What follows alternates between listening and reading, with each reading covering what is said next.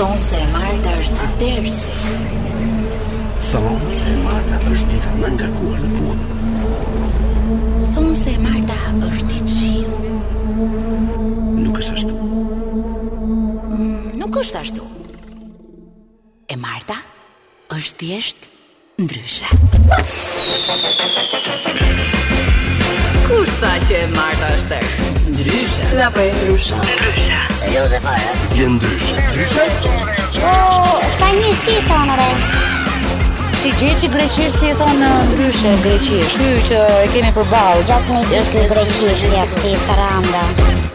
Gati! Imbro, imbro, përshëndetje të gjithëve juve që po na ndiqni në këto momente, jemi ne të Ndryshes në Top Imbrova, Albania Radio. imbrova. Adi na falin se sot Adi është si pak pa qejf. Jo, p- jo nuk jam pa qejf, po thjesht un paguhem vlla këtu te ky program nga ora 6 deri në orën 8 të darkës. Kështu që pse fillojmë 6 e çerek? Ma trego pak sa ti. Ta tregoj unë, Ma- sepse ky emision është Ha? shumë i ndjekur Ha, i ndjekur. dhe ka një fluks të madh reklamash. ka dhe fluks të të madh dhe të të ftuarish. Pa sigurisht, ne sepse ne sot jemi ndryshe, siç ka thënë zoti kryeministër i famshëm yni. Mirë, sot do kemi një emision vërtet ndryshe, po ndryshe komplet nga herët e të tjera. E kemi të ngjeshur, sepse për herë të parë në këto kaq muaj e vite që kemi filluar ne, ka radhë e madhe. Do kemi një intervistë që në orën e parë të transmetimit, në transmetimin. Në po. vetëm ore. Do kemi mund të kemi gazetarin, moderatorin edhe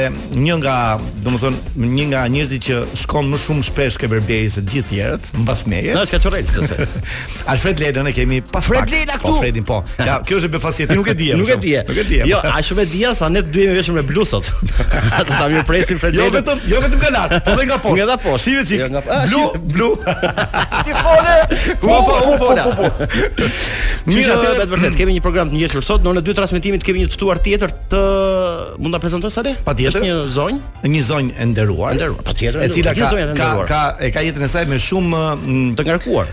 Një karrierë të kështu konglomerat do thoja, nga drejto ish drejtoresha e burgjit të burgut të grave deri tek Rin Festi me aktivitetet për rininë kështu. Është shumë interesante. Po ne prandaj jemi ndryshe se patjetër sepse. Kështu që do kemi një një ndryshe komplet ndryshe sot. Mirë,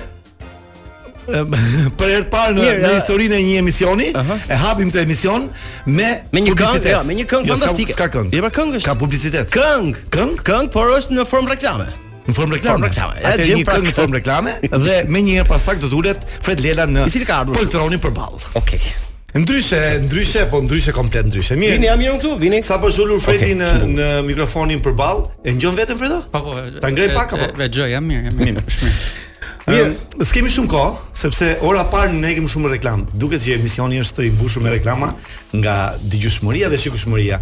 Tani për herë të parë në në, domethënë, gjatë kohës që ti ke filluar Politiko në në Top News ti do jesh edhe një një orë mbas emisionit tënd. Po, është edhe edhe është e fundit sonte, është puntata e po emisionit e fundit të sezonit, po, po, po, e mbyll.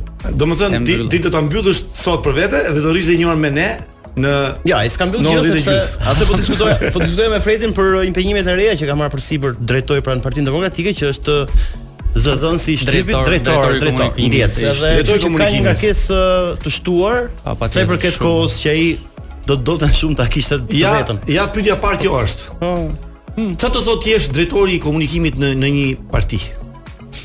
i zyrës komunikimit. Po shiko, është ende një gjë e re për mua, duhet ta është një një kal i hazdisur, nuk e nuk e njoh. Nuk e njoh. Nuk e njoh. Kali çil. Ëh, si kali çil. Se kur kur e dëgjon kështu, drejtori komunikimi duket si një një një detyrë kështu si Që s'ka shumë vlerë. Jo, s'ka shumë vlerë. Ka shumë punë. Ka shumë punë. Tani nuk e di sa vlerë ka, ka po ka vlerë, ka punë dhe pastaj vlerën e merr te a e bën dhe si e bën punën. Andaj kjo do kjo është sfida. Domethënë, funksionon tamam si një institucion, po them, shtetëror, të cilit Ka një këshilltar për këtë, ka një drejtues komunikimi, ka një apo jo? S'është kështu ajo gjë.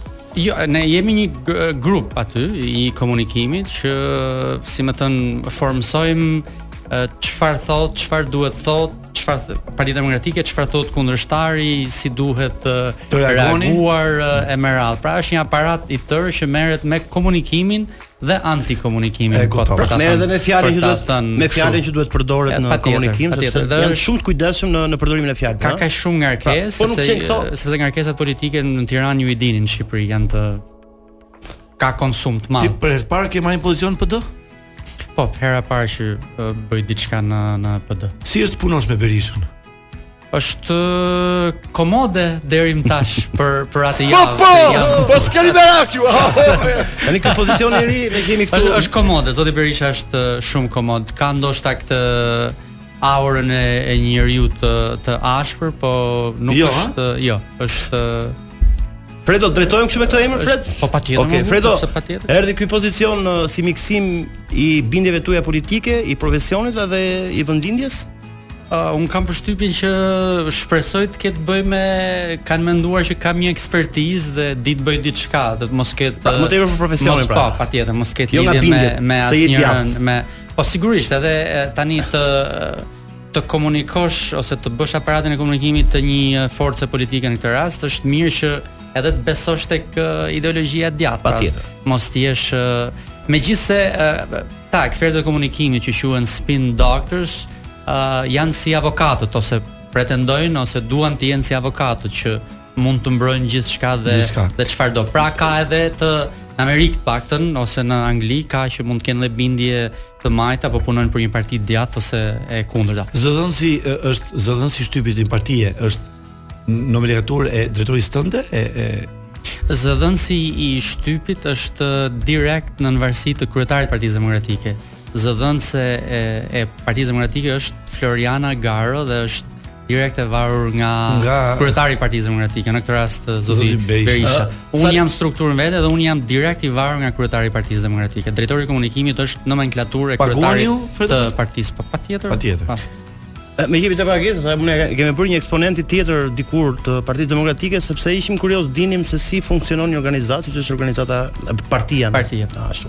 Pra ka një strukturë që paguan tani rilindja rilindja, rithemelimi nuk është se deri më tani ka një vendim gjykate pra të shkallës së parë, nuk ka të shkallës së dytë pra që është problem të pritet dalë. Është çështje në në në Rithemelimi ka një strukturë financiare pra ku paguhet nga dalin pagat? Po patjetër.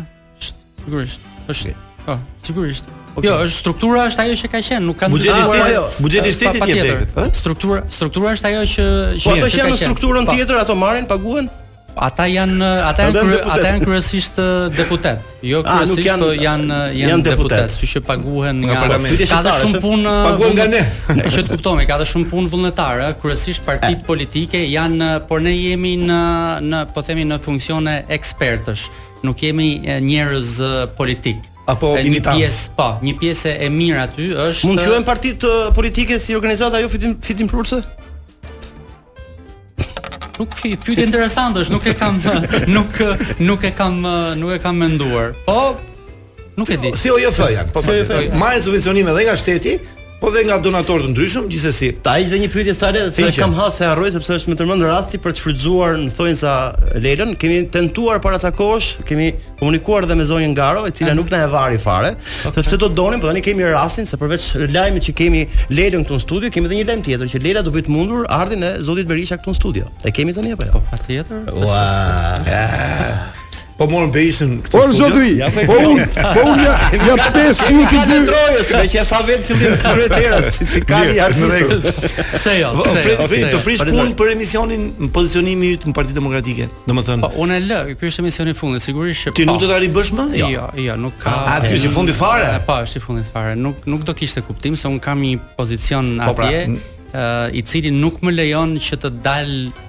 uh, si gazetar. Tani edhe kur të dal në daljet e mia, do do jem i detyruar ta konsideroj veten jo drejtor i komunikimit në Partinë Demokratike. Pra nuk mund të jem në parti dhe dal të them që jam jam analist i pavarur. E kanë bërë disa kolegë të mitë. Ka shumë. Uh, unë kam mësuar prej kësaj dhe kur ata e kanë bërë, kam thënë që nuk është etike ta bësh. Dhe tani që erdhi koha, nuk mund ta bëj dhe sepse s'dua ta bëj. E shijove televizionin? Po, patjetër televizioni është. E shijove emisionin domethënë po, si po, shumë. Po, shumë. Ambient shumë i mirë i Top Top News-i, Top Channel-i në në përgjithësi. Ambient i i relaksuar dhe po, kjo i shton Po kështu të duket eksperiencë që mund ta bëj apo apo mendon që nuk E, jo, jo, e bë, e, do e bëja me kënaqësi, po të mos ishte kjo ndërprerja. Me thënë të drejtën, po të mos ishte kjo ndërprerja, unë do të sigurisht do kërkoja ta bëja, tani nuk e di a do më besohej ta, ajo ta, ta bëja dhe të vazhdoja, po unë po, do doja. Në fakt mua më është gjithmonë interesant. Po, oh, tash ne sa filluam. Po po sa reklama kemi. Nuk di sa reklama keni. Sa mirë që i keni në këto kohë krize. Dhe një pyetje, mund ta bëjmë pyetje jo, ha? Se ju ju nuk jeni OJF në fund fundit. Jo, ne marrim rrogë. Vini faleminderit për kohën që na dhe. Jeni sa le. Bëm e një se s'ta mirë. Ëm gjithë njerëzit po, domethënë njerëzit që që duan të diskutojnë politikë, populli i thjeshtë, thotë që me këtë opozitë që ka Shqipëria, Rama do rrijë edhe 8 vjet të tjera në pushtet. ti si një hyrje e re, po them, një në Partinë Demokratike edhe me atë lloj atmosfere që sheh. Mendon që opozita e re por dhe e vjetër njëkohësisht do të marrë pushtetin në zgjedhjet e ardhshme. Tani, këtë, kjo është, është klasike e vjetër, është e stërthënë, e stërpërsëritur, se është një gjë që ia thua kundërshtarit, edhe për ta intimiduar dhe për të mbjellë një lloj pasigurie tek elektorati që mund të votonte për atë forcë. Po unë mund mund thoja të kundërtën që me këtë qeveri, pse jo kjo opozitë nuk duhet të ishte as 3 vite në në opozitë. Në pra, opozit. Pra, duhet ta kërkonte dhe mund ta merrte edhe më shpejt pushtetin. Sigurisht duke bërë gjërat e duhura në mënyrën e e duhur. Do, edhe nëpërmjet komunikimit. Do bashkohen partitë apo? Të gjitha patjetër duhet këto, këto dy demokratike të po flas. Ë uh, çdokush uh, që është i opozicionit i qoftë nga shoqëria civile, qoftë nga cilado qoftë parti, duhet të të bashkohet në një front të përbashkët. Po, po flas do të A ka inat këto inat janë janë këto që mbeturit këtej edhe kemi, kemi parë inat edhe më të mëdha të të konsumuara në politikën tonë. Jo, kështu që po. Problem. Unë them mos ta lodhim Lelën për pyetje që kanë të bëjnë më tepër për ideologjinë e Partisë Demokratike, sepse ai përmbush pjesë tjetër të partisë. Kam që dalim unë kam pyetjet e mia ti bëj pyetjet e tua. Okej, okay, mirë, dalim te kënga që kemi përzgjedhur ne për ta përshëndetur uh, mikun tonë Lela, i cili është një është një këngë e përzgjedhur nga Vini. Ne jemi ndryshimi. Nuk e di, ja, di vetëm Vini. Ah, jo, s'është. Ne kemi Under Your Scars. Under Your Scars. Po, po, është. Ah, është kënga juaj e po, preferuar. Pëlqen shumë. Po. Vërtet? Po, i pasi më rën kokë domethënë. Po, poshtë shenjave të tua. Atëre, atëre zoti Lela shijoje ti, edhe ata që po na dëgjojnë dhe pas pak jemi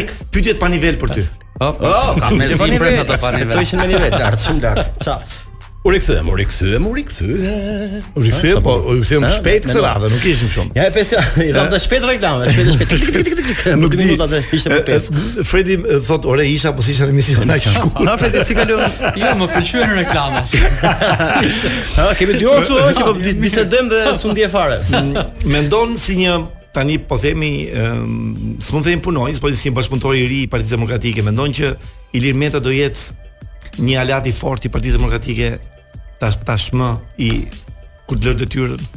Po, një fakt e dim që Ilir Meta është politikan i fortë. Ë tani a do jetë një aleat i fortë? Është një gjë sigurisht për të vendosur mes krerëve politikë, që në këtë rast është mes Zotit Berisha dhe Zotit Ti vetë si mendon? Po që është një politikan i fortë është. Unë ta thashë parimin që në fillim, unë jam që çdokush, Alfredi, Salsano, Adi, kush të dojë, kush të mundet, kush të di, a duhet t'i bashkohet frontit uh, opozitar. Pra nuk mund të ketë përjashtime. Luksi i përjashtimeve nuk e dua atë se i ka pak flokët atë ngjyrë, s'ka flokë fare. ka bërë këtë në 1936 në një gjë tjetër 92-shin. nuk nuk shkojnë. Është aksion politik dhe duhet të jetë gjithë gjithë përfshirës. Çfarë ka dëmtuar opozitën tjetër përveçse kjo çarja andej këtej, një rrip andej një rrip këtej dhe ja ku janë sot rripa rripa. Atëre bie bashkimi bashkimi bie të jetë një arnim pastaj. Apo jo. Ja. Shiko, në kjo Apo çon si ka, mjafto të tani. Është një mënyrë, është është një mënyrë për ta thënë edhe kështu, po unë preferoj të them që është një unitet i të ndryshmeve. Okay. Është një mozaik okay. që ka ngjyra, ka ngjyra nga më të ndryshmet. Dikush e sheh si mozaik, dikush e sheh si arnim, secili ka kështu të drejtën për ta parë në Vjen si vjen Basha në PD në ndërtesë? Jo, nuk e kam hasur, nuk e kam parë. Në këtë javën time të të parë jo, s'e kam s'e kam hasur. Asnjëherë, ë? Është parë uh, aeroporteve të Europës. Mbajeni mend këto që jua them. Nëse do vij të ballafaqohem me ju si kryeministër për këto që ju them. Zoti Baka nuk e di. Është në të drejtën e tij të aeroporteve të daljeve të hyrjeve. Ka ndonjë qëllim? Është qytetar i lirë. Patjetër. Ka ndonjë ke ndonjë qëllim ti për um, për karrierë politike në kuptimin që nesër ti të futesh në listën e, e, e kandidatëve për deputet apo nuk nuk e di nuk nuk e di Domethënë nuk jam ngrohur tek kjo ide, nuk kam shkuar atje për për këtë ide, kam shkuar atje si ekspert komunikimi. Ë uh, nëse vjen dita kur uh, më kjo ideja fillon dhe të më vezullojë, si me thënë, të më pëlqejë, pse jo? Nuk është një gjë që e përjashtoj, por nuk kam shkuar me me këtë qëllim. Pra nuk jam atje për të zënë radhën, për t'i ndejt zotit Berisha para pas anash, për t'i thënë aman doktor më fut në listë nuk kam ça bëj. Si e bëj? Me me që jemi te kjo situatë këtu, Fred, mund të quhet detyra e re Himalaja e profesionalizmit tënd? A është një majë, shpresoj të mos jetë Himalaja se në unë dhe Salsano jemi relativisht të rinj pavarësisht flokëve. Absolutisht po. Na kanë lënë flokët, por rininë e kemi. Po jo, se s'ma as nuk besoj që është Himalaja për Fredin. Por është dua të dua ta them këtë që është është një majë në në rrugtimin në nuk është gjë e vogël, prandaj se njeriu nganjëherë duhet të ndalojë dhe të mendojë.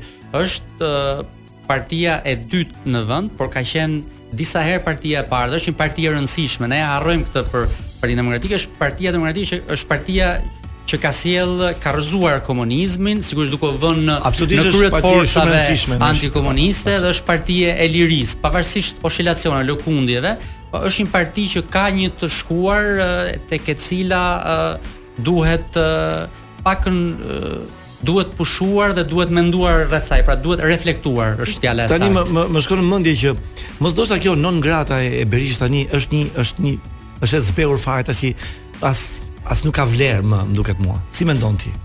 Shiko, zoti Berisha e ka rritur aksionin politik që nga shtatori e këtej në një mënyrë të tillë sa e ka bërë, si me thënë, e ka ë e ka relativizuar non gratën ndjeshëm. Sigurisht ajo është aty si instrument i politikës së jashtme, por në politikën e brendshme Zoti Berisha është vërtetuar i pashmangshëm.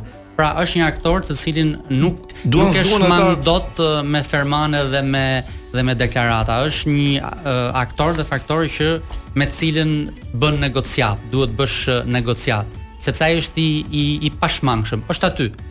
Erdhi në shtator, uh, u doli trupave të tij në në krye dhe për pak muaj në zgjedhjet e 6 marsit mori 30% të elektoratit shqiptar, një njeri që vinte kishte kundër establishmentin e partisë vet, gjysmën e partisë kishte kundër amerikanët me non gratën po dhe, dhe pushtetin. Pushtetin lokal, po thua. Po, për këto të 6 marsit. A ta bëj një pyetje të çuditshme po po. brenda kësaj situate. Për non gratën e kam, por le të nisem pak nga një histori e futbollit shqiptar në diktaturë Fredo. Dikur një ka, një ekip po themi 17 Nëntori pasi shpartallonte në kampionatin vendas këtu, Tirana. në fakt Tirana pra. Ë uh, hidheshin hidhej shorti për Kupat e Evropës. Mm -hmm. Dhe mhm. një ekip shqiptar i binte për shembull binte me Rusin ose me Izraelin me një ekip dhe nuk shkonim dot. Nuk shkonim dot sepse ata e fitonin tavolinë. Mund të ndodh dhe me Berishën kjo e njëjta gjë pra, ne do ta fitojmë kampionatin këtu vendas që do fitojë Berisha patjetër në një të ardhme të afërt, por kur të dalë puna për të luajtur me ndërkombëtarë, patjetër atë s'e di ti. Po. Shiko. Ne po flasim për një kohë e cila nuk është më. Ajo, jam du, ajo dua të them këtë që kohët zhvendosen, kohët kohët lëvizin dhe politika dhe marrëdhëniet me të huajt me ndërkombëtarët janë janë dinamike. Nuk janë një gjë që ka ndodhur kjo gjëja dhe është një gjë që vazhdon në sepse tani uh, Tirana që s'është më 17 Nëntori është Tirana, apo jo, edhe kjo ka ka një vlerë kur e thua, s'është 17 Nëntori është Tirana, mund të luajë ku të dojë sepse kanë ndryshuar kohët, kanë rënë perdet, kanë rënë non gratat, pra tani jemi grata. Kështu që shumë shpejt do e shohim Berishën me Bidenin të luajnë futboll tek e tek dhe do ta fitojmë ne patjetër.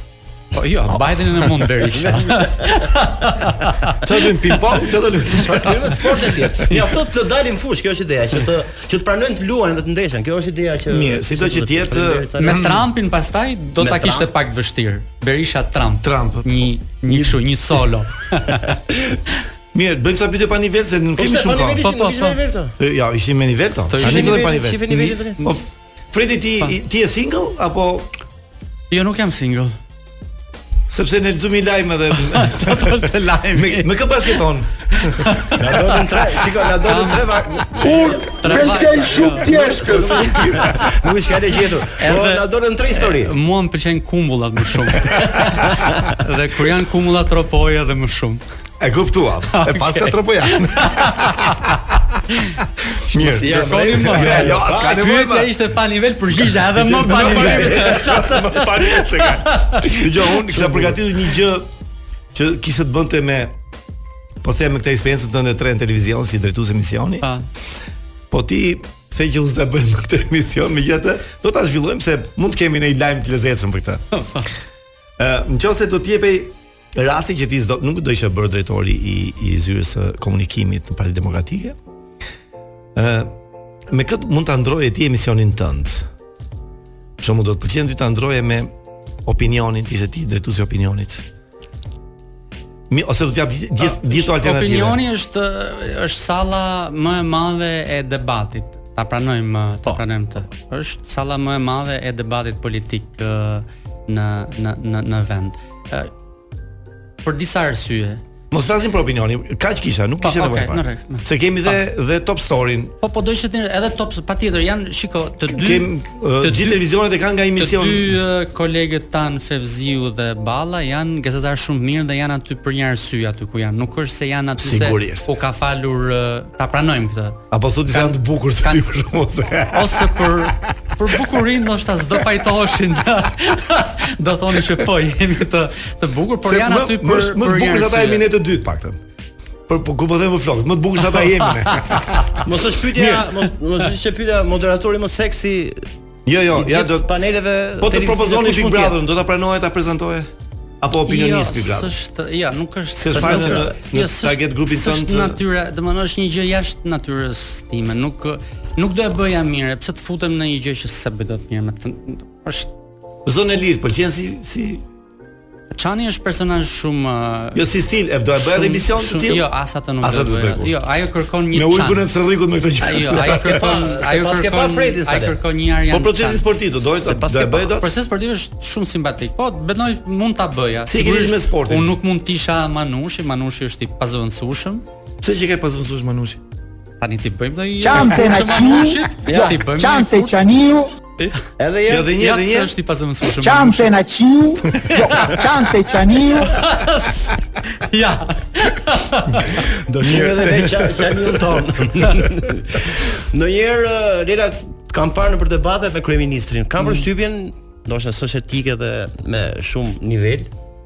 Por sigurisht pa nivel, pa nivel. Patjetër. Jemi të gjithë pa nivel. Unë kam parë në portretin tuaj gjithmonë një reagim sepse akrobacia që bën ai në përgjigjen e pyetjeve tuaja patjetër që ju acaron. Ah. A ju vjen ndonjë herë të çohesh aty t'i gjush me shpullë? Ah, e them kështu. Deri këtu, deri këtu s'ka shkuar. Jo, jo, mendja. Apo të ka shkuar mendja? Do ishte, jo, do ishte Nuk po them se do të ndodhë, thjesht uh, unë shoh acarimin se me vërtetë mend ta acaron ai në Po me me me me sh... me kapërcimet, që bën për të për të mos i ndejt po. për të mos i ndejt një pyetje ose për të mos u marrë me argumentin dhe për të thënë për të kaluar. E ka Sigurisht e ka metodologji, e këtë e bën.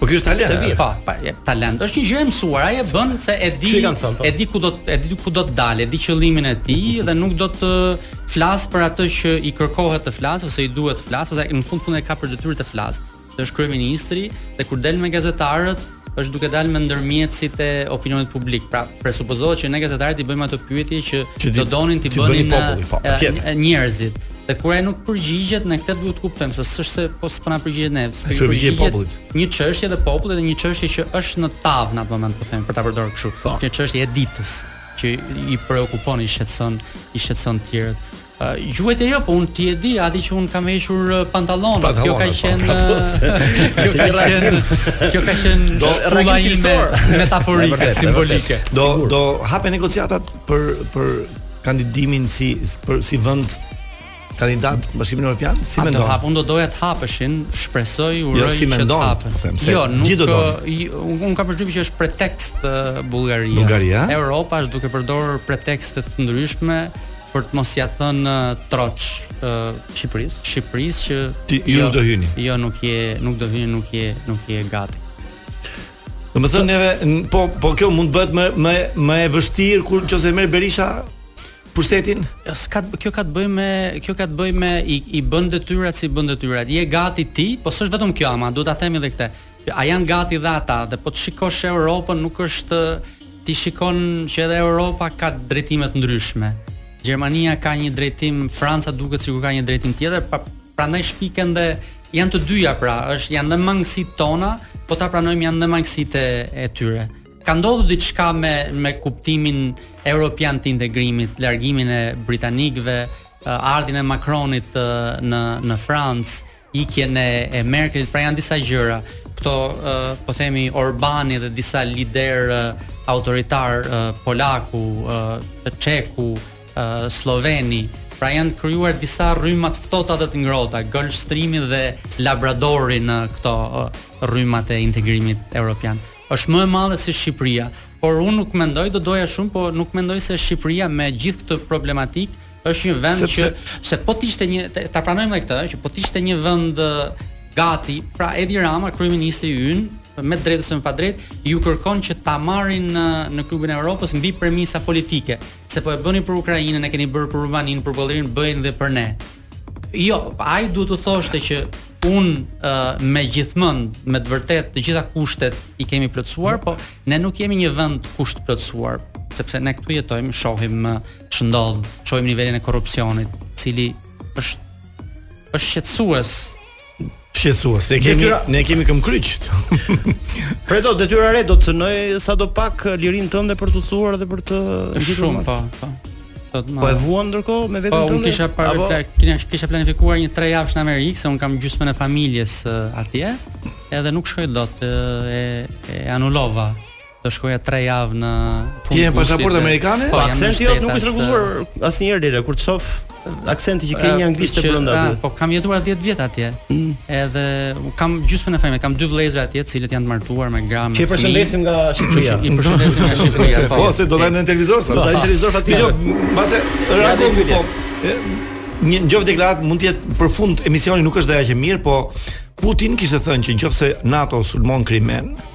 do fillojë lufta e tretë botërore. NATO nuk e sulmon Krimenë, ajo është një kërcënim në të zbrazur. Krimeja është NATO-ja s'u fut kur Putini sulmoi Ukrainën, pra edhe këto janë deklarata, si me thënë, si ai që flet me veten në pyll se është është kot, domethënë është është halucinacion. Ka ikur, është një gjë, është një temë e tejkaluar. E tejkaluar, kështu që është është kot fare. Çfarë domethënë kjo? Ai e ka marrë Krimenë dhe tani është do të marrë edhe gjysmën e e Ukrainës, gjysmën tjetër të Ukrainës dhe do të lindjen, dhe do të lindjen, po, dhe do të lërë një gjysmë. Kjo është nuk e di, pa, ai po flet me vete kam përshtypjen unë ose e, po i drejtohet një audience të cilën unë nuk e kuptoj. Pra, unë s'jam unë në këtë rast, rast audienca së cilës ai i drejtohet. Po. Mirë, për gjithë, ja, mbaroj. Për gjithë dëgjuesit e djathtë të emisionit ndryshe, pa, janë të ndarë, a kupton? Patjetër, do të kemi hapësirë vetëm për t'i ftuar në datën 7 korrik gjithë atyre që do të jenë pjesë e frontit opozitar në atë ditë si dita e parë e nisjes protestave, sepse do të vazhdojë edhe në shtator, pra pjesa e dytë e ndeshjes, le ta themi kështu, apo jo. Po. Që që nga ndryshe kemi një ftesë nga këtu t'i themi gjithë qytetarëve. 7 korriku është një ditë për t'u mbledhur. Pa. Po. Uh, po më pëlqen, bësh opozitar i vërtet. Më pëlqen. Për t'u mbledhur, për të ngritur zërin, për të thënë që janë ca gjëra që nuk shkojnë në në këtë uh, vendin tonë dhe nuk është uh, nuk është gabim të dalësh, madje e kundërta, duhet të dalësh, të thuash dhe të deklarosh patjetër, të deklarosh praninë tënde, të deklarosh zërin tënd, të deklarosh edhe bindjet e tua dhe të thuash që nuk jam dakord me ato gjëra që shkojnë. Jo, do merr çadra, pavarësisht se mund mos janë ato çadrat e famshme, po se 38 39 çadra dielli, po është 7 e mbrëmjes dielli ka ikur. Ka ikur dielli, mirë. Mirë, okay, do të kemi një edhe e fundit vjen ato bolla, do ta paguaj këtë minutë. Ha. Hajde. Hiqe nga 5 minutë reklamë. Sekond, sekond, një minutë. Jo, është një shprehje, pra, po nuk qau fëmija, nuk i jep nëna të pi. Kështu që le të shpresojmë që këtë herë ne do të protestojmë që nëna mos na japin një pije tjetër, por të na japin qumësht me të vërtetë.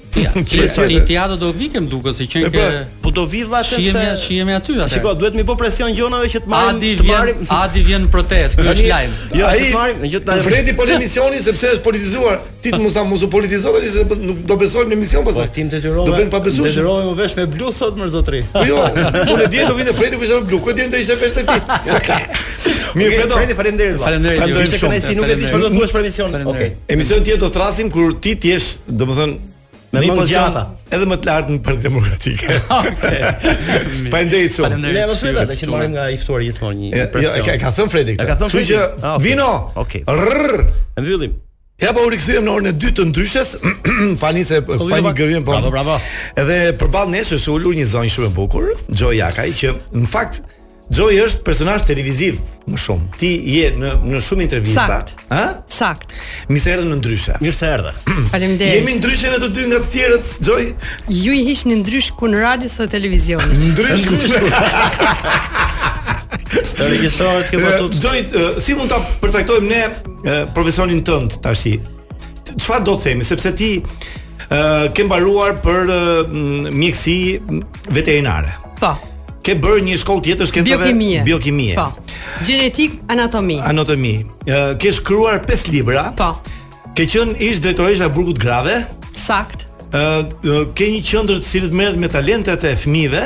Sakt. Edhe së fundi po bën Rinfest në Tiranë. Falenderoj për gjithë këtë info të gjatë që paske për mua. Ke qenë dhe opinioniste në BB1. Po.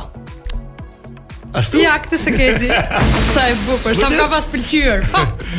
Kështu që a mund ta përcaktojmë apo ti je një jo, konglomerat? Jo, jo, jam uh, jam zyshë e përjetshme. Domethënë, unë nuk iki kurrë nga ky profesioni i mësuesisë. Vazhdon të japësh mësim? Kam dhënë mësim 12 vite në gjitha gjimnazet e Tiranës, sepse për shkak se rreth një vit dy ti do eksperimentoja isha mësuese zëvendësuese dhe unë zëvendësoja në disa gjimnaze. Biokimi? Uh, biokimi? Biologjinë jepja kryesisht, po te Qemal Stafa dhe mjeshtria sportive kam dhënë dhe kiminë. Pastaj unë uh, kërkoja diçka më shumë nga vetja, mbrojta master e doktoratur dhe kalova pedagoge në universitet. Krejt papritur një ditë të bukur, mua më menduan njerëzit dikush më mendoi për drejtoreshë burgut të grave. As në ëndrrat e mia nuk e kisha parë, por unë nga mësimdhënia nuk hoqa dorë asnjëherë dhe përfundimisht unë jam një mësuese, një pedagog. A e mësuan të burgosurat tabelën e Mendelejevit, Xhoj? E bukur pyetja. Unë hapa një klasë të parë aty në tek burgu i grave, se ka, ka sepse analfabet? po po shumë, rreth 60%. Se në analfabet sigurisht që nuk dinin shkruanin emrin e tyre. Madje gëzimi më i madh i jetës tyre ka qenë ditën që ato kanë mësuar të shkruajnë emrin. Jo. Mendoj që edhe pasardhësja ime duhet ta ketë mbajtur atë gjë që e nisa unë, sepse unë e nisa. Se vazhdon të jetë femër, femër, po është një gazetare. Po, grua. është akoma. Ka pasur dhe burra, tre tre katër gra kemi qenë po, në sistem. Po është qejf të jesh drejtoreshë e burgut të grave? Po është shumë qejf. Madje në po në burrësh. Shikoj në rrethet e në rrethet e eksituzi kështu. Në Salsano në rrethet e mia familjare kur dalim për darkë, uh, vazhdon Besniku im vlla që është doktor, thotë që kësaj i ka ngelur akoma ora te burgu i grave dhe gjithçka ta lidh rreth uh, vuajtjes së dënimit thotë. Po pse ke ti kështu? Sa vjet sa kohë ke qenë drejtoresha? Dy vjet e ca kam qenë dhe e, realisht meqenëse e nisëm tek kjo mësuesia, unë shfrytëzova kapacitetin e një mësuese që ishte e dënuar dhe ajo mësoi të dënuara që ishin pa shkollë, pa arsim fare. Jan janë kështu um... sigurisht një mikesha juaj që ka qenë atëherë edhe imja zëvendës ministre e arsimit Nora Malaj, ma krijoi infrastrukturën më mbështeti me libra me abetare etj etj. Uh -huh. Dhe u krijua infrastruktura që ishte një gjë shumë e bukur. Si ka mundësi 60% të burgosurave analfabet. E po tani, Apo këto kry, bëjnë dhe krimet, besoj. Shiko, uh, aty nuk ka, sepse shumë njerëz që nuk kanë shkuar aty asnjëherë dhe nuk e kanë vizituar, mendojnë që të gjitha gratë që janë të dënuara janë për vrasje. Aty janë një pjesë për vrasje, pastaj ka Shiko, ka vepra penale nga më të ndryshme. Xhoj ka qenë para se të të vinte SPAK-u në jetë, se tani po, po, vjen para se para se të vinte. Tani do vijë SPAK-u do të do të ketë. Unë kam qenë në kohën e Ylli Manjanit, drejtore. Okej, okay, po tani do ketë fat Kështu që Ylli bëri histori në në Ministrinë e Drejtësisë, vetëm një vit ka ndejtur, edhe unë jam personazh që kërkoj të bëj histori në gjërat që punoj dhe e, gjithë kohë thoja që ishalla ia arrij të bëj një vit punë sepse do lë emrin tim dhe do bëj histori. Në fakt në atë sistem kam bërë histori. Jo, e di pse lidhen me Spaku. Dhe do ia këshilloja edhe këtij ministrit tani aktual që është më bëj drejtoreshë burgut burrave dhe e bëj mirë fare biles. Ja, vërtet? Po. Atëherë Atëherë zoti si e ka ky ministri? E Ulsi Manja. Ulsi Manja. Ulsi Manja. Zoti, nëse ku e kem ku e kam kamerën unë më? Ja ku është Ulsi më atje valla. Ktu? Ah, ja, po, bravo Ulsi. Oh, Alisa ku më? Tu? Më fut. Apo jam tu.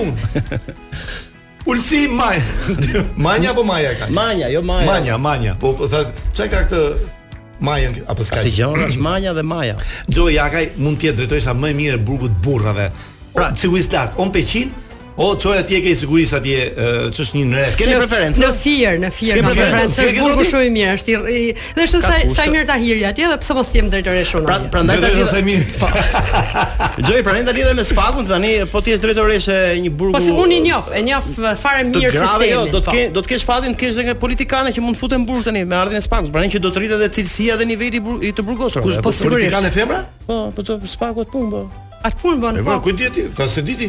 Po, po sa do të E po, parashikon, e parashikon Adi. A, apo rritet niveli i i arsimit të të burgosur tani me asaj Shiko, ka, kam komunikuar me kam dhe, komunikuar me ministrin e drejtësisë dhe më tha që do rregullohet burgu i grave dhe ky është realisht ishte lajmi më i mirë që më u dha sepse unë ishte skandal me kushte jashtëzakonisht të të të dobëta edhe të të rrenuara, kishte shumë lagështirë, me çimento, me mure, ë niveli i i shërbimit brenda ishte sepse nuk ta lejonte vetë vetë institucioni dhe kur më tha që është në përfundim për të për t'u rehabilituar i tërë ose për t'u ndërtuar një i ri.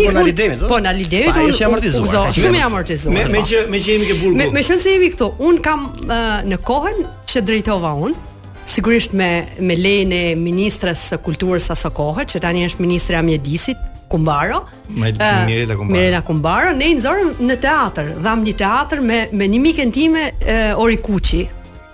Kështu ah. që ne e, kemi un kam bërë gjëra shumë të mëdha për ato gra sepse në këndvështrimin tim gratë e dënuara dhe burrat e dënuar duhet të rehabilitohen, ndryshe nuk dalin të rehabilituar nga institucioni dhe, dhe kthehen në recidivistë, quhet ndryshe përsëritës.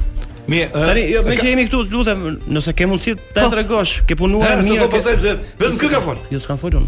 Me blu jemi ne.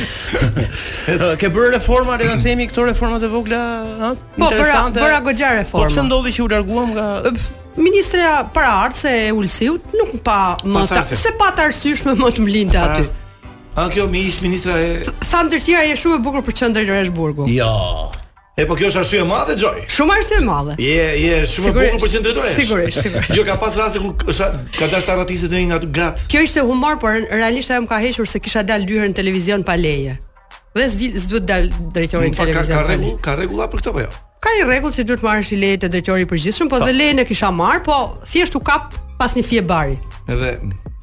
Çon si ka, ajo është bërë si është bërë pishman tash. Është bërë, është bërë shumë pishman, sepse e shikoj që më ndjek në rrjetet po, sociale, edhe unë e ndjek dhe i bëj like. Jo, nuk, më pëlqen sepse ajo është shumë simpatike. Etilda është, është është nga gratë më të bukura të politikës. Shumë e bukur është. Po shumë, Etilda është shumë. Nuk ia toleroj. S'ma ktheu përgjigjen. A ka, ka tentuar ndonjë të arratiset nga nga gratë e burgut? Jo, të shkretat. Madje të të them një gjë se nuk u shpreha mirë të shkretat. Duhet rrin hapa atje. Njëra nga të dënuarat mori lirimin. U firmos diku nga mbasditja në kohën kur plotësohej afatin. Dhe unë isha në shtëpi se normalisht do drejtori shkon në shtëpi të ushqehet ndonjëherë, shumë pak shkon, ha, një drejtor që do të bëj punën. Po kur vjen vendimi do ta thjellë. Oficerët e informacionit më thonë, s'po them emrin. Ajo nuk ikën në shtëpi, them po pse? Thotë po unë s'kam ku shkoj, më mirë isha këtu se këtu kisha për të ngrënë, për të pirë, për të fjetë, ju kujdesu, s'kisha ku të shkonte. S'kisha as lek për të prerë biletën. Unë me shumë delikatesë i them oficerit të informacionit në atë kohë që merr tani sa veta jeni në turn, mblidh sa lek ka secili nga ata. Shoqëroje me taksi deri në dhash edhe adresën ku do shkonte, ku do flinte, unë kujdesesha edhe pasi dilnin. të paktën kohën që kam qenë drejtuese. Me fjalë, me qef, kur shkon në shtëpi. Me pas qef me hyn burgu që po, ishte drejtues. Po, kur kam qenë unë drejtore, shumë personazhe publike që vinin aty. Për shembull, unë kam marrë shumë personazhe për për t'i socializuar. Erion Kristo për shembull tha, "Këtu qenka farmaci, sepse ishte shumë uh, sterilitet në gjithçka. Normalisht ishin gra. Pra, pra ato kushte që ishin. Për kushtet që ishin. Irma Libohova tha këtu qenka një kopsht me lule, sepse i gjithë oborri ishte i mbjellë me lule, kultivuar shumë lule. Mm -hmm. muret anësore dhe derën e, e jashtme që unë e gjeta gri dhe të ndryshkur që mund të thuhet, unë e lyva jeshile. Sa ka qenë numri i grave që kanë qenë të dënuara? Mund të thuhet kjo apo? Po, në kohën që kam qenë unë pa vetëm kampi Ali Demit. Pa, po, e, jo në gjithë Shqipërinë. Pa e, u realizua amnistia që dolën rreth 25 gra me amnisti, kanë qenë 135 gra të dënuara dhe të paraburgosura, sepse janë dy sisteme. Grash? I vetmi burg në Shqipëri dhe janë 23 burrash. Pra 23 burgje burrash dhe një burg grash. Po, po. Je prekur shpesh herë nga vuajtje që Po, jam prekur pa shumë, pa fund. Nga shumë, shumë gra që Shumë, shumë vazhdimisht jam prekur, po. Që vuanin dënimin. Po. Atëherë të kalojmë te pjesa jote artistike. Mirë, librat e tu ka ka Meqenëse kishe kuriozitet po. Adi. E, po, shumë kohë dëgjoja rrëfimet e atyre, madje libri i fundit që do dali tani është kryesisht me histori, histori dhimbje dhe po. dashurie të atyre grave. Ë pa diskutim që drejtori nuk nuk ka tagrin të dëgjojë gjithë historitë e të dënuarave. Se nuk je psikolog. Se nuk je psikolog, aty ka një sektor psikologësh që janë edhe pse duhet ta bësh shpesh herë. Unë e bëja, deri në një moment sa fillova të mbar shumë stres në në gjithë qenien time dhe pastaj fillova të kujdesesha që t'i përzgjidhja të lexoja një herë dosjen penale, të shikoja çfarë historie ka pasur, pastaj normalisht edhe i dëgjoja, por gjëja që e kisha fiksim Adi, mm -hmm. zhduka shumë burokraci. Pra ishin një numër i madh gjërash dhe kërkesash që nuk kishin asnjë problem për t'i realizuar, Thjesht ti duhet të kishe vullnet të mirë për të punuar. Që na ka kërdisur për vite po, kjo burokracia. Që është është një Mirë, vetëm vetëm se e harruam për ta thënë këtë. Vetëm për të kuptuar se sa të ngjeshur jemi në emision Joy, sepse sot është hera e parë që Unë po flas shumë dhe jo, po më pëlqen shumë. Jo, jo, ngjeshur për për arsye të të ftuarve, kemi pasur një të ftuar orën e po. parë, kemi qenë pas Lelën, jeni ju në orën e dytë.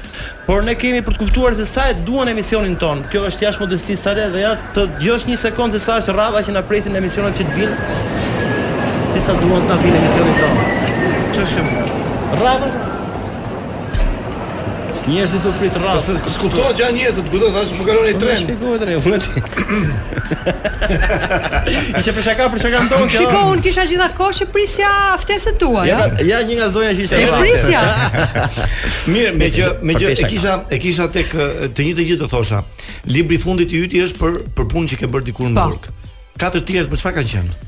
Ë, uh, një ka qenë adoleshenca në filtrin e dashurisë që është shkruajtur uh, në kohën që unë jepja mësim në gjimnaz dhe që isha duke rritur vajzat e mia. Ë, Uh, si Adoleshenca në filtrin e dashurisë. E dashurisë quhet si titull. Pse e kam ti qen titull është botimi Toena, si shtëpisë botuese Toena, me Irenën Irenën drejtoreshen e Toenës jemi shumë mike. Është libër psikologjik apo është është është psikologjik social, social.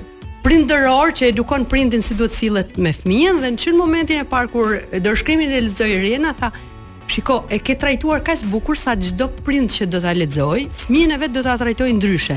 Do t'i vëmë titull prekës dhe gjetëm këtë që adoleshenca në filtrin e dashurisë, sepse nëse një adoleshent, unë e kisha marrë nga puna ime me adoleshentët, ë, në në gjimnaz, çdo lloj adoleshenti rebel i i dhunshëm, ë ekspresiv, Unë e trajtoja në mënyrë të barabartë me një nxënës që ishte me gjithë dhjeta. Madje kur vinin prindërit e më pyesnin që si është vajza, vajza ose djali im, edhe po të ishte nxënës me tëra katra, fjalia ime fillonte kështu.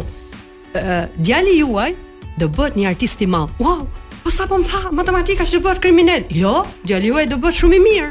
Dhe Unë gjej rastin me ju se ja, ra, artist.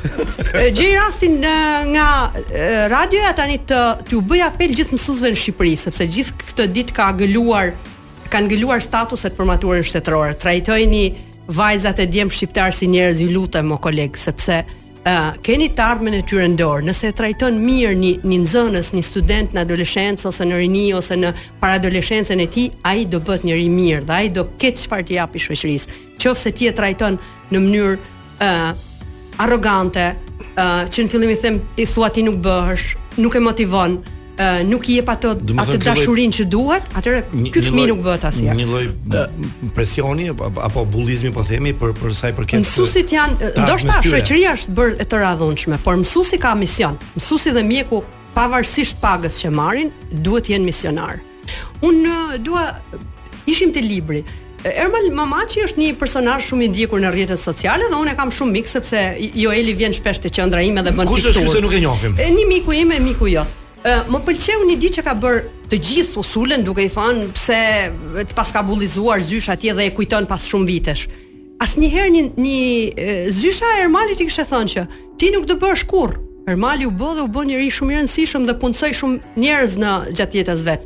Asnjëherë një nxënësi, një studenti apo një fëmijë nuk do nuk duhet i thuash kurrën e kurrës se ti nuk do bëhesh. Gjithnjë do i thuash do bëhesh, keq të zysha. Optimizëm do të japësh. Ka qenë në një batutë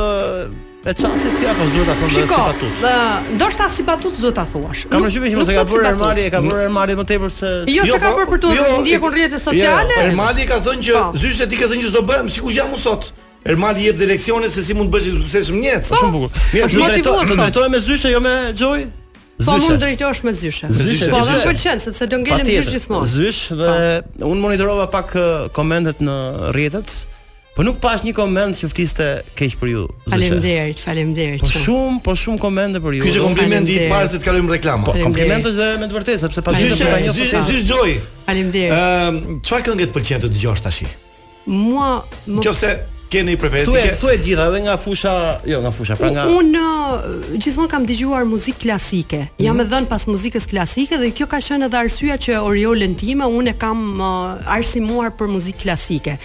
Ë, uh, falë Zotit ajo ka pas zërin, Oriola, por ka mbaruar për kanto? Oriola ka mbaruar për kanto dhe ka studiuar në lice dhe në arte për kanto klasike. Vonë është një një gjë që nuk e kam thënë për herë të parë, kam thënë edhe në një televizion tjetër te Klani te Rudina Magjistari, nuk e ke ti ekskluzivitet. Ë po ka kënduar Ave Marian. Ave Marian. Kështu që ah, Oriola Ave Marian. Po shkosh te Instagrami me gjen Ave Marian e kënduar nga Oriola. Vërtet? Po. Sepse e kam Mirë, hedhur kemi- për ditëlindjen e saj E, po pasi i kes- mora Kesh leje. gocë kaq të bukur edhe Kemi pyetje për Oriolën Klasike. Më vonë, kështu që dëgjojmë këngën që e kemi përzgjedhur. Jo, por e ka përzgjedhur do vetë me thënë, Joy. e, shiko, Kështu në që- e, dua të them vetëm një gjë. Në fëmijërinë time shpesh herë përpiqeshim të më tallnin dhe bullizonin, pse, "O, kjo dëgjon muzikë klasike." Pra, unë e kisha të tërën brendshme, nuk e bëja as për t'u dukur që të dëgjoj muzikë Po, ai klasike, pëlqente. por unë e doja E shumë doje. muzikën klasike. Dhe njëri nga vëllezërit sa uh, udhëtoj me të në makinë, vën muzikë me çifteli.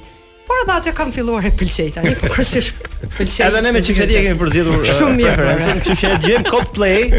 Coldplay është edhe... preferenca ime. Grupi i preferuar me çifteli Pse ishte ishte konsideruar ku ti e di? Po kështu doli nga Apo kështu doli. Ore, njerëzit inteligjentë. Mirë, mos u largoni se pas pak me Join kemi pyetjet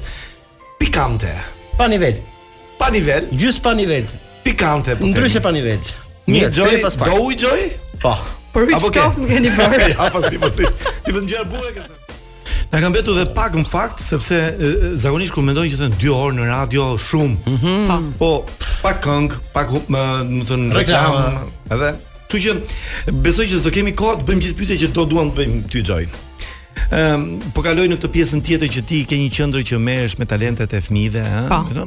Dhe së fundi po bën dhe Rinfestin. Ëm, se ka kaq kohë. Un kur më bëri Adi pyetjen që në cilin në cilën gjë je ndjerë më mirë, unë gjithmonë jam ndjerë i thashë Adi që jam ndjerë mësuese gjithmonë dhe ë në vitet e mia të arta si mësuese në gjimnazin Partizani, un kam kam uh, dhënë një kontribut shumë të madh në ndërtimin e Rinfestit në atë kohë që nga drejtoria arsimore dhe ministria e arsimit na sillnin aktorë dhe regjisorë nga Akademia e Arteve pranë gjitha shkollave që po. punonin me nxënësit. Dhe un kam punuar me shumë aktorë dhe regjisorë, ndër ta për shembull Jul Deda, Gentian Zenelaj, dhe kishin qejf gjithmonë vinin te Partizani, se thoshin ajo zysha i përgatit vetë. Unë e kisha pasion, ishte gjë, un po. pavarësisht se kam mbaruar biokimi, dhe kam dhënë si biologji, gjithmonë kanë qenë artet pasioni im, letërsia, të shkruajturit, Por një cen në biografi më bëri që unë mbarova veterinarin, pastaj A ke qenë me njollë biografi ti? Me njollë biografi, me një mm, të madhe. Gjyshi im iku për të studiuar jashtë u arratis, kështu që ë uh, pikërisht pas futu gjyshi që iku. Jo, po, gjyshi u, u rikthye, u rikthye gjyshi me një falje, kështu që mua unë nuk nuk më futesh në dokumenta, kështu që unë e kam fituar të drejtën e bursës, por jo bursa që më ishte dhënë, më ishte dhënë ekonomik për shkak të mesatares që kisha të lartë. Dhe u nderuam me një bursë që aso kohë nuk quheshe bursa preferenciale. Nuk preferohet. Madje po, po. shpesh herë ne të mjekësisë veterinare ishim të tkurrur se po, sot, donse sot s'ka pa, sot sot sigurisht janë me pika uji, me pika uji janë realisht. Jo. Po, uh, jo, po, jo, jo, me pika ujë dhe është edhe uh, Universiteti Bujqësor ka qenë i njohur në gjithë botën që në kohën që kam mbaruar unë jo, në universitetin. Jo, patjetër, sot për gjithë për gjithë një mik për për për çuar qenin a macen. Po qenin pas ka shumë shqiptarë që janë dashur mas. Unë nuk e unë nuk e ndoqa si si uh, profesion sepse u dhashë pas mësuesisë. Ah, okay. Çuçi ka po. mos kalojmë te kjo pjesë. Mos kalojmë. Atëherë përderisa jep jam mësues mësuesin, uh, zhvillova mësuesin brenda vetes dhe fillova të jap mësim në disa gjimnaze. kam dhënë biologjinë dhe kiminë shumë vite, po më shumë biologjinë, merresha me rinfestin dhe uh, rinfestin ka rreth 10-12 vjet që nuk bëhet më.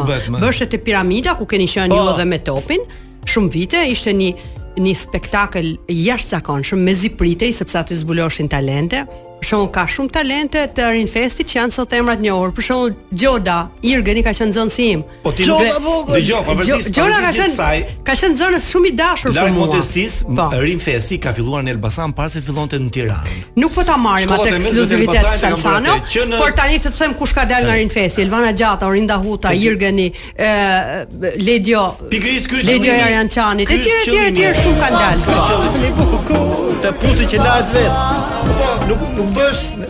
Ka qenë maratona e këngës në Elbasan. Ah, pra, maratona e këngës, si Rin Fest. Po e njëjta gjë ishte, shkollat e mesme konkurronin. Ja tjetër gjë, Rin Festi. Jo, në kurrikulumin tënd duhet të shtojmë dhe Misin, Mis uh, Shqipëria. Ë, uh, po kam qenë në juri të Mis Shqipërisë dhe te Netët e Klipit shqiptar për shkak të një, ndoshta edhe për uh, shkak të një uh, miqësie që kisha me Petri Bozën dhe me Alda Bidën, më kanë afruar shumë shpesh, po. Për ta ngarkuar figurën po, tënde. Po, sigurisht. Që e marr me shumë. Kur ka qenë Oriola, jo, më brapa. Jo, Oriola po nuk ka konkurruar Oriola kurrë për Mis sepse nuk ka dashur Oriola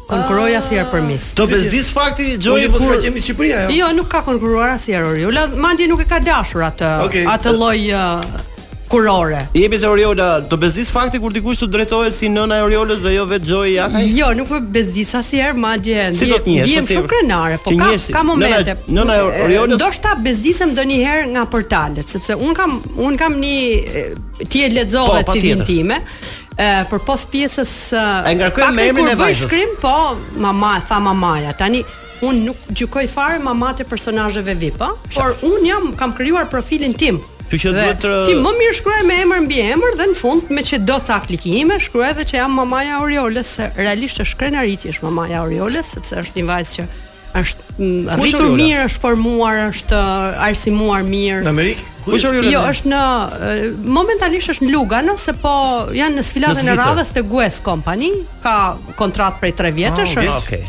Po është shumë mirë. Komunikon me Oriolën për ditë? Jo. Ja. Gati për ditë. Okay. Komunikoj në një emision televiziv më bënë pyetjen a ke agjendë me taku Oriolën? Tani edhe ne nënat e vipave. Na bie që të mbajmë agjendë, i them, a jam në agjendën tënde sot Ori, Ori. Është bërë e pasur Oriola apo jo? Jo, nuk është bërë e pasur, por Oriola është e pasur në shpirt. Që fëmijë Oriola që 15 vjeçe, Oriola ka. Që 15 vjeçe ka qenë në të gjitha revistat shqiptare në kopertinë. ishte nxënëse në liceun artistik dhe më vuri kushte mami nëse mua nuk më le të merrem edhe me modë ka qenë një agjenci modelesh bindi talent i vendosur në Shqipëri aso kohë dhe ori bëri shkollë ka bërë shkollë mode 9 muaj te bindi talent pra nuk është një modele thjesht modele e bukur që i hyri kësaj rruge. E mori dhe me arsimim po, atë. Mos ta mos ta marrë krah Oriola se e kemi me mafë. Po mos na marrë krah. Të kërkoj, po, vetëm një pyetje. Po, po patjetër. Është e pashmangshme. Mos emocionohesh shumë, ha. Nuk emocionohem. Shiko Adi, jo, mua ka pas ndodhur ca vite një konflikt i vogël, më thoshte, "Mami, vëri ca piketa kur të ftojnë për ty dhe për gjërat tua, Jo vetëm për ty. Për ty. Se sa mirë? Po. Mirë, zgjuar, për ty është, për ty është pyetja, po patjetër që është brenda Oriola, po. ë, nuk nuk e di Ke vuajt statusin. shumë kur nuk e doli di- Oriola. Nuk e di, ja, nuk e di statusin e Oriolës, po do doje shumë shpejt të bëhesh vjehërr? Jo, aman, këtë s'e dua. Avash avash, se është e vogël akoma. Un kam edhe një vajzë ë, Xhulia, Aha. Marashi shumë e bukur, sa Oriola, pavarësisht se nuk është ë, personazh publik, se nuk e do, është psikologe. Ah, okay. ë, Ka studiuar jashtë, është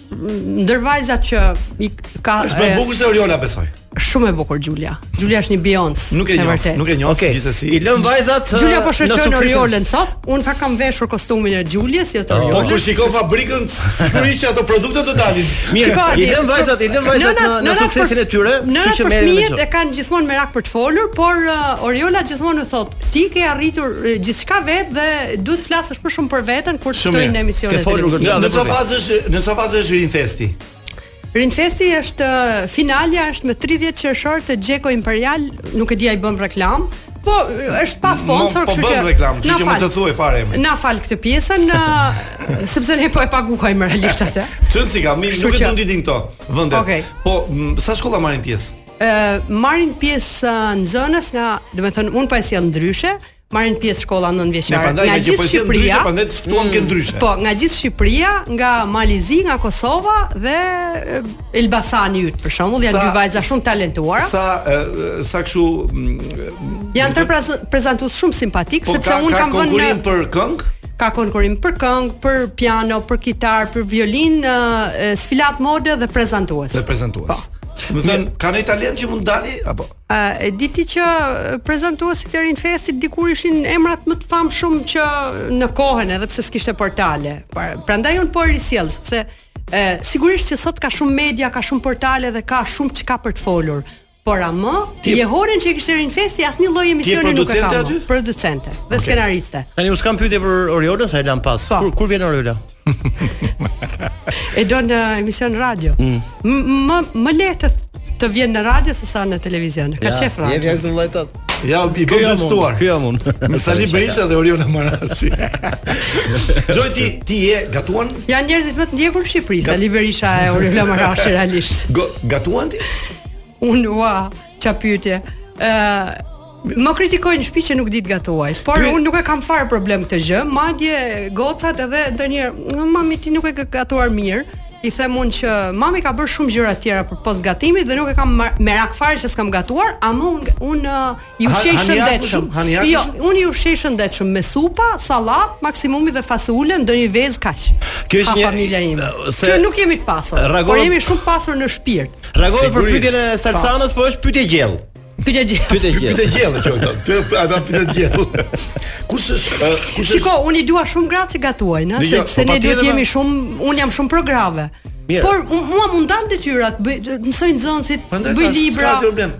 Po. Kush është hobi yt mbi mbi gjithë hobet e tjera?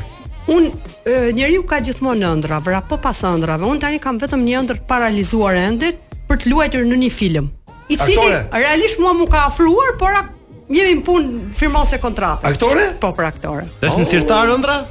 Ishte në sirtar. Është serial apo është film i gjatë? Vetëm është hapur sirtari. Është hapur sirtari dhe është është bërë ftesa. A është bërë ftesa? Është serial apo është film kinematografik, kështu në kinema? Është në kinema. Në kinema film.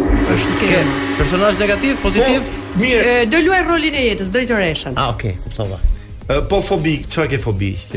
Nuk e di, unë s'kam asgjë fobi. Asgjë. Do të thotë as errësirën, as mungesën e dritës, as mungesën e e ujit, as as Për shembull, virusin unë nuk e kisha fare fobi, as nuk kisha frikë, as vija. Okej, okay. kush, kush mendon që është gruaja më e bukur në Shqipëri? Gruaja më e bukur në Shqipëri, u jo, ç'a pyetje, po, mirë, mirë okay. the. Ti je. Po e pranoj unë. Patjetër. mirë, po burri, burri më i bukur në Shqipëri kush është? Burri më i bukur. I njohur, që është i njohur. Mendoj oh, mendoj që burri më i bukur në Shqipëri është uh, Edi Rama dhe femra më e bukur në Shqipëri është Oriola Marashi. Bravo. Edi Rama më i bukur, ja? Po, më i bukur në Shqipëri. Vdeksha unë për ty. Do të ditë ata ta. Madje Edi. Ë, tre katër herë ne kemi qenë në aktivitete të përbashkëta. Unë nuk jam e majtë që të s'po i bëj fare okay, lozhë okay. kryeministrit, por është shumë charmant dhe shumë king. Do të pranoje një ftesë. Tash rrezik do marr dhe sharje aty. do të pranoje një ftesë kryeministrit për një gotë verë. Patjetër. Natën, natën, natën vonë, po kush e refuzon kryeministrin? Mirë, ky bizik dhe unë natën vonë, jo mos i kiçoj. Prit tani vetë. Ky debati që ka plasur tani, edhe pse është shumë uh, s'më intereson fare, kjo puna e abortit. Shiko kjo pjesë, kjo kjo kafe se ftojmë ne ti sa t'i, japim i kafe aty te Radison Morina. Po. Po t'i themi emrat se më s'a thënë më në radio. Mirë, jemi në fund të emisionit që wow. i ftojmë, i ftojmë. Faleminderit Sir Joy. Faleminderit Joy. Do bëjmë edhe një komunikim tjetër me publikun sepse ky emision do të ndiqet edhe në orën 10, mbas orës 10 sot mbasdite. Ndaj, në fakt. Që ju mas buke, mas buke, e kishte llafin për mas buke, ëh. I fusni buk, dëgjoni pastaj shikoni ndryshe. Jo, ne ham shpejt në 7.